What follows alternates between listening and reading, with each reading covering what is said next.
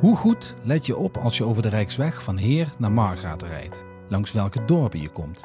Wat zich allemaal over de weg heeft verplaatst in de loop der jaren? In 1940 zagen de bewoners langs de Rijksweg de Duitse troepen voorbij komen. In 1942 was dat niet anders, maar men leerde ermee leven, met leven in de oorlog. Iets zo ver, toen had ik een zijspan, een motor met een zijspan naast me, of ja, achter me. En toen zijn we daar met Dusselsteeg, dat is hierachter. Die paard, dat wist de weg, hè, waar je nou altijd naartoe moest. Die ging dadelijk af en toen hij met die motor kwam, die was een stuk naar beneden en er was een splitsing. En toen zijn wij naar onder, maar het was hartstikke donker. Hè.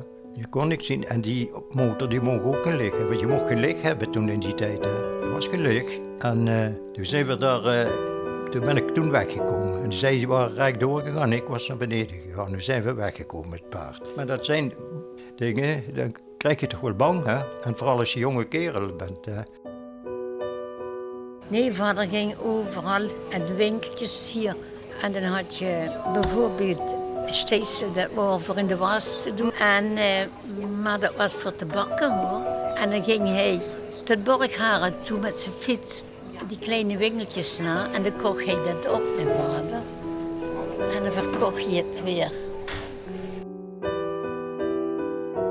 Dan moest je gaan werken. Hè. En dat was allemaal natuurlijk gericht op, op het winst voor, voor, de, voor, de, voor de Duitsers. Hè.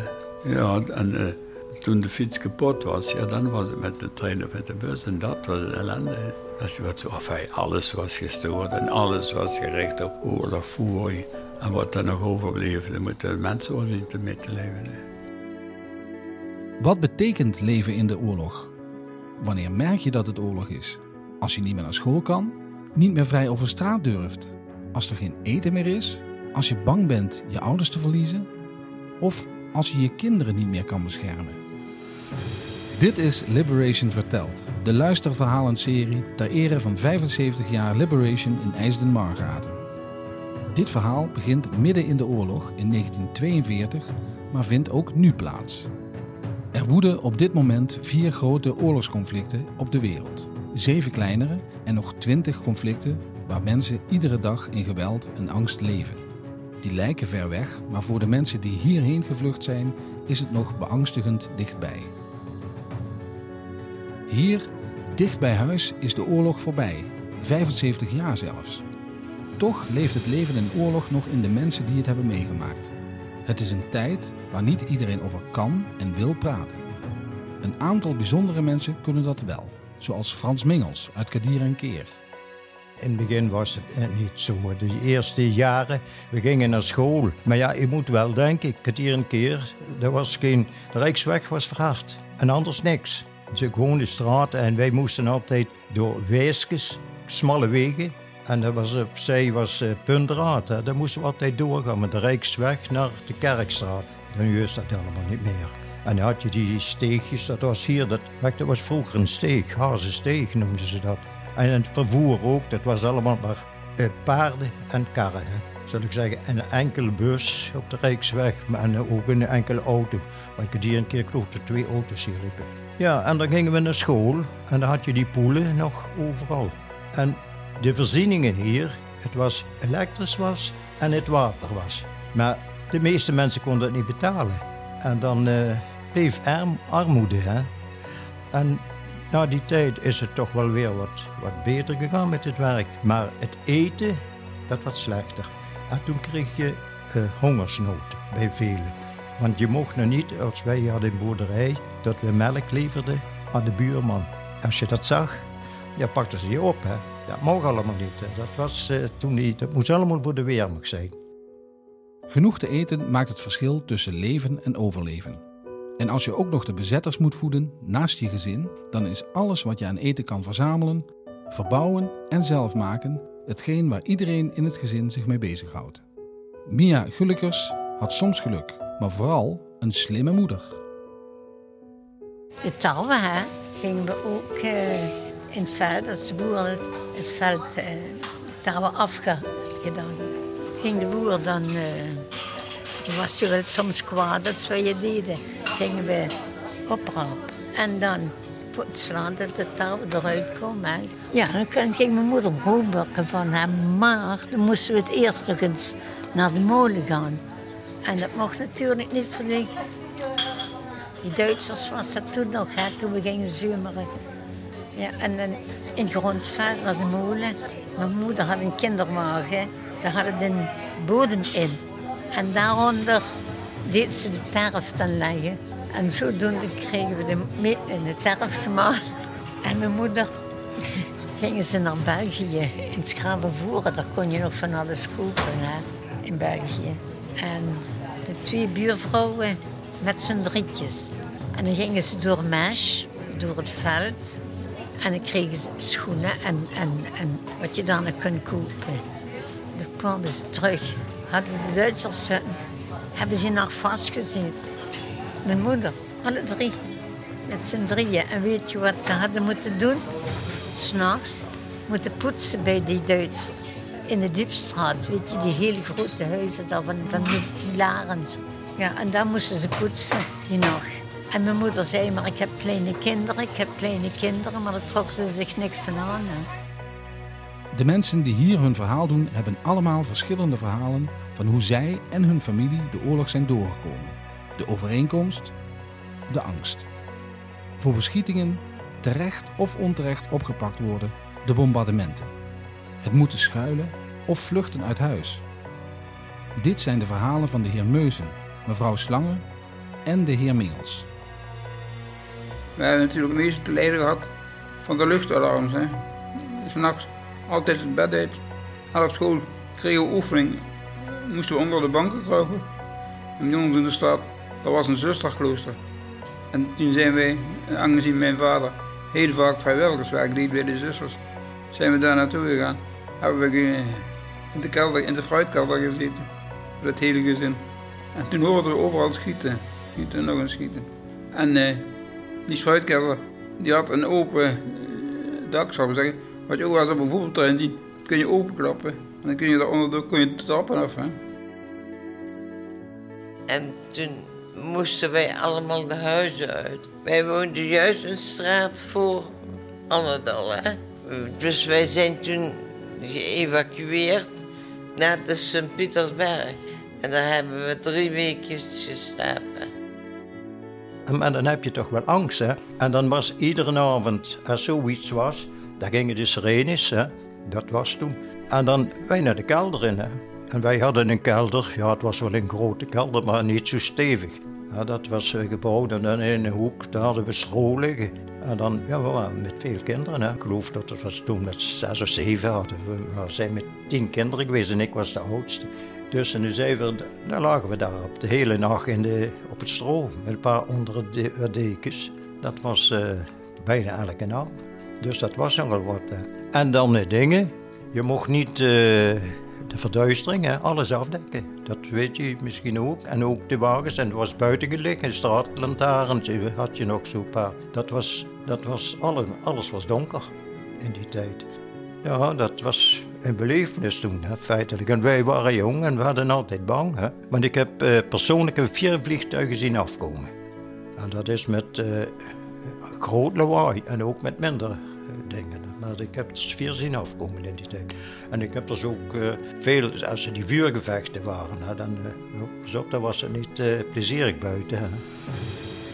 Dit is de angst in de oorlogsjaren van de jaren 40.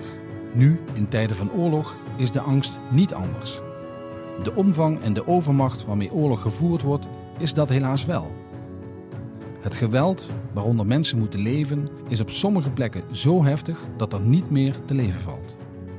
Wanneer komt dat punt dat je thuis zo gevaarlijk is dat je nog meer gevaren trotseert voordat je ergens terechtkomt waar je veilig bent? In Eckelrade zit Stichting Wereldwijd. Een plek waar vluchtelingen komen om te leren. Een vak, de taal. Voor veel is de oorlog nog te vers, het trauma te heftig. Het zijn drie zeer dappere mensen die hun verhaal durven te delen. Rabi Mona is met drie kinderen en vrouw uit Latakia, Syrië gevlucht. Zijn geloof is anders en daarvoor heeft hij in zijn eigen land in de gevangenis gezeten. Ik loop met mijn eh, vriend. Ik liep met een vriend over straat. en we zijn toen door de politie opgepakt. Ja, en, eh, en zit ook in gevangen. Ja, en, eh, Toen we vast zaten, eh, Heb ik ook stokslagen gekregen. met, met eh, grote stok. Ook, Op mijn voeten, Hoofd, Ja, ook in de sla in mijn hoofd. overal. Alles. Daarna, ik weg. Nadat ik vrij kwam, ben ik meteen met mijn gezin naar Libië gevlucht. ook in Libië. Maar daar is ook oorlog. Daar is het ook niet veilig. niet v- veilig. Daarna, eh, Met een kleine boot kleine boot Zijn we naar Italië. Gevlucht.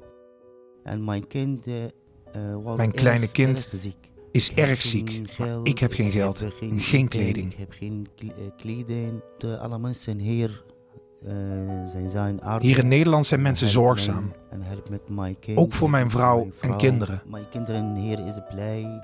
Mijn, mijn kinderen, En het gaat goed met ze. alle Mijn kinderen zijn blij met alles. In Nederland.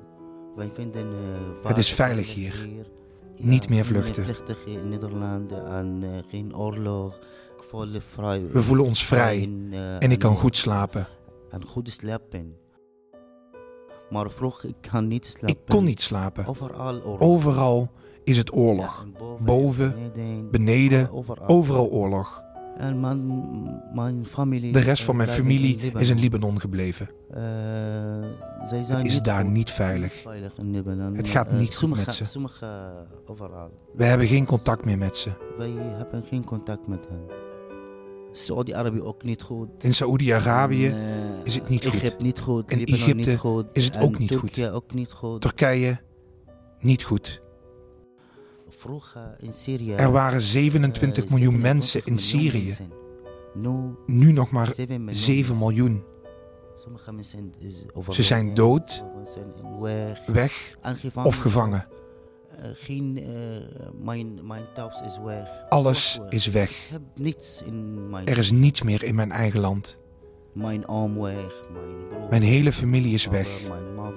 Alles, alles kapot gemaakt. Alles is kapot gemaakt.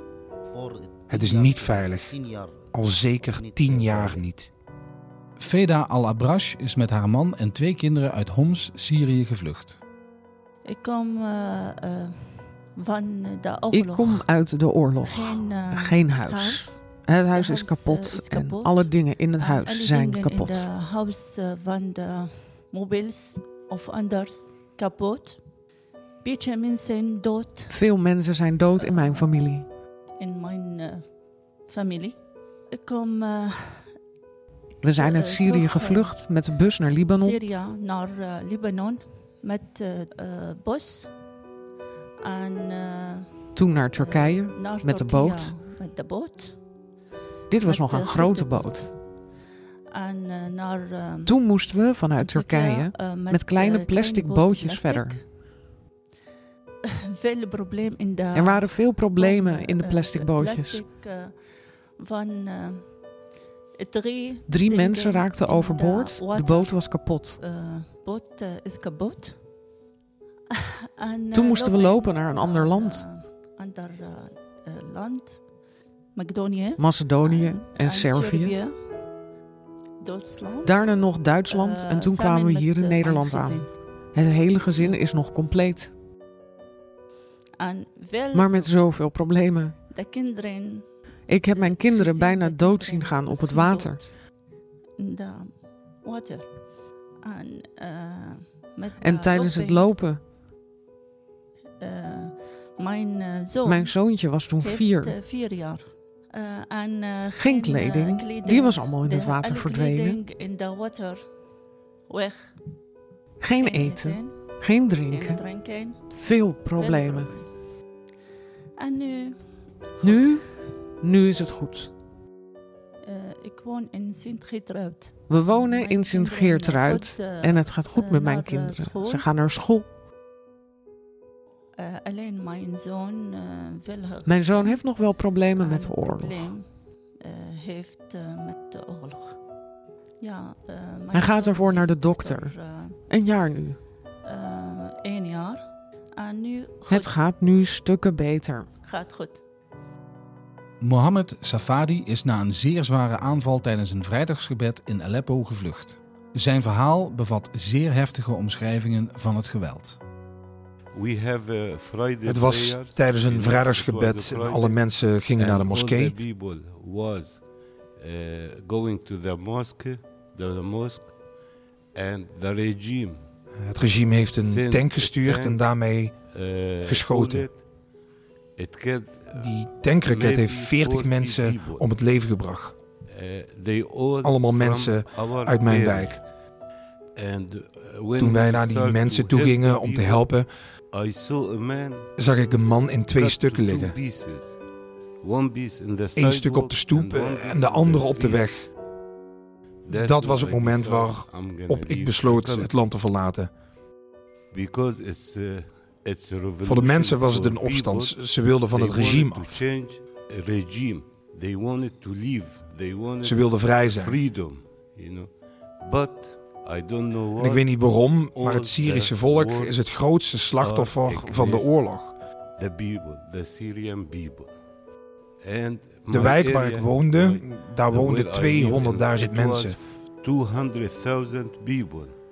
Now there is not Nu nog geen duizend. men in it, you know.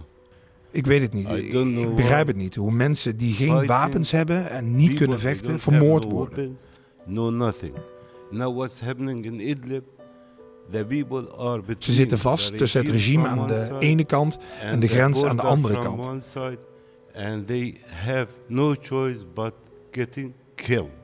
Dat is het probleem in Syrië.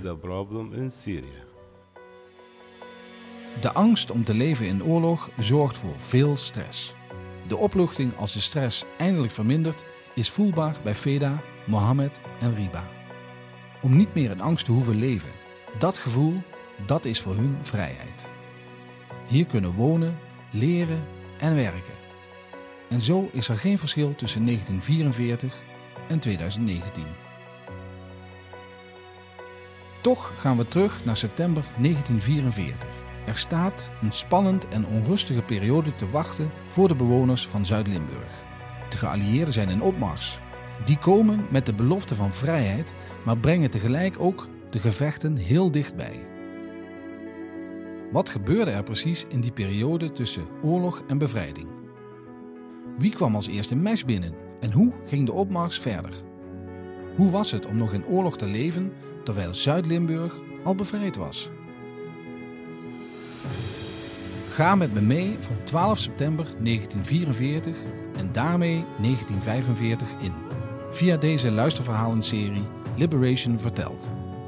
Volg mijn verhalen door de geschiedenis van 75 jaar bevrijding via www.75jaarliberation.nl. De afleveringen zijn ook te beluisteren via Spotify of Apple Music. Ik ben Roel Imveld. Speciale dank aan de bewoners van Zorgcentrum De Bron en Trudy van Ginnep van Envida. Dank ook aan Ed Peters van Stichting Wereldwijd en hun steun aan onze vluchtelingen.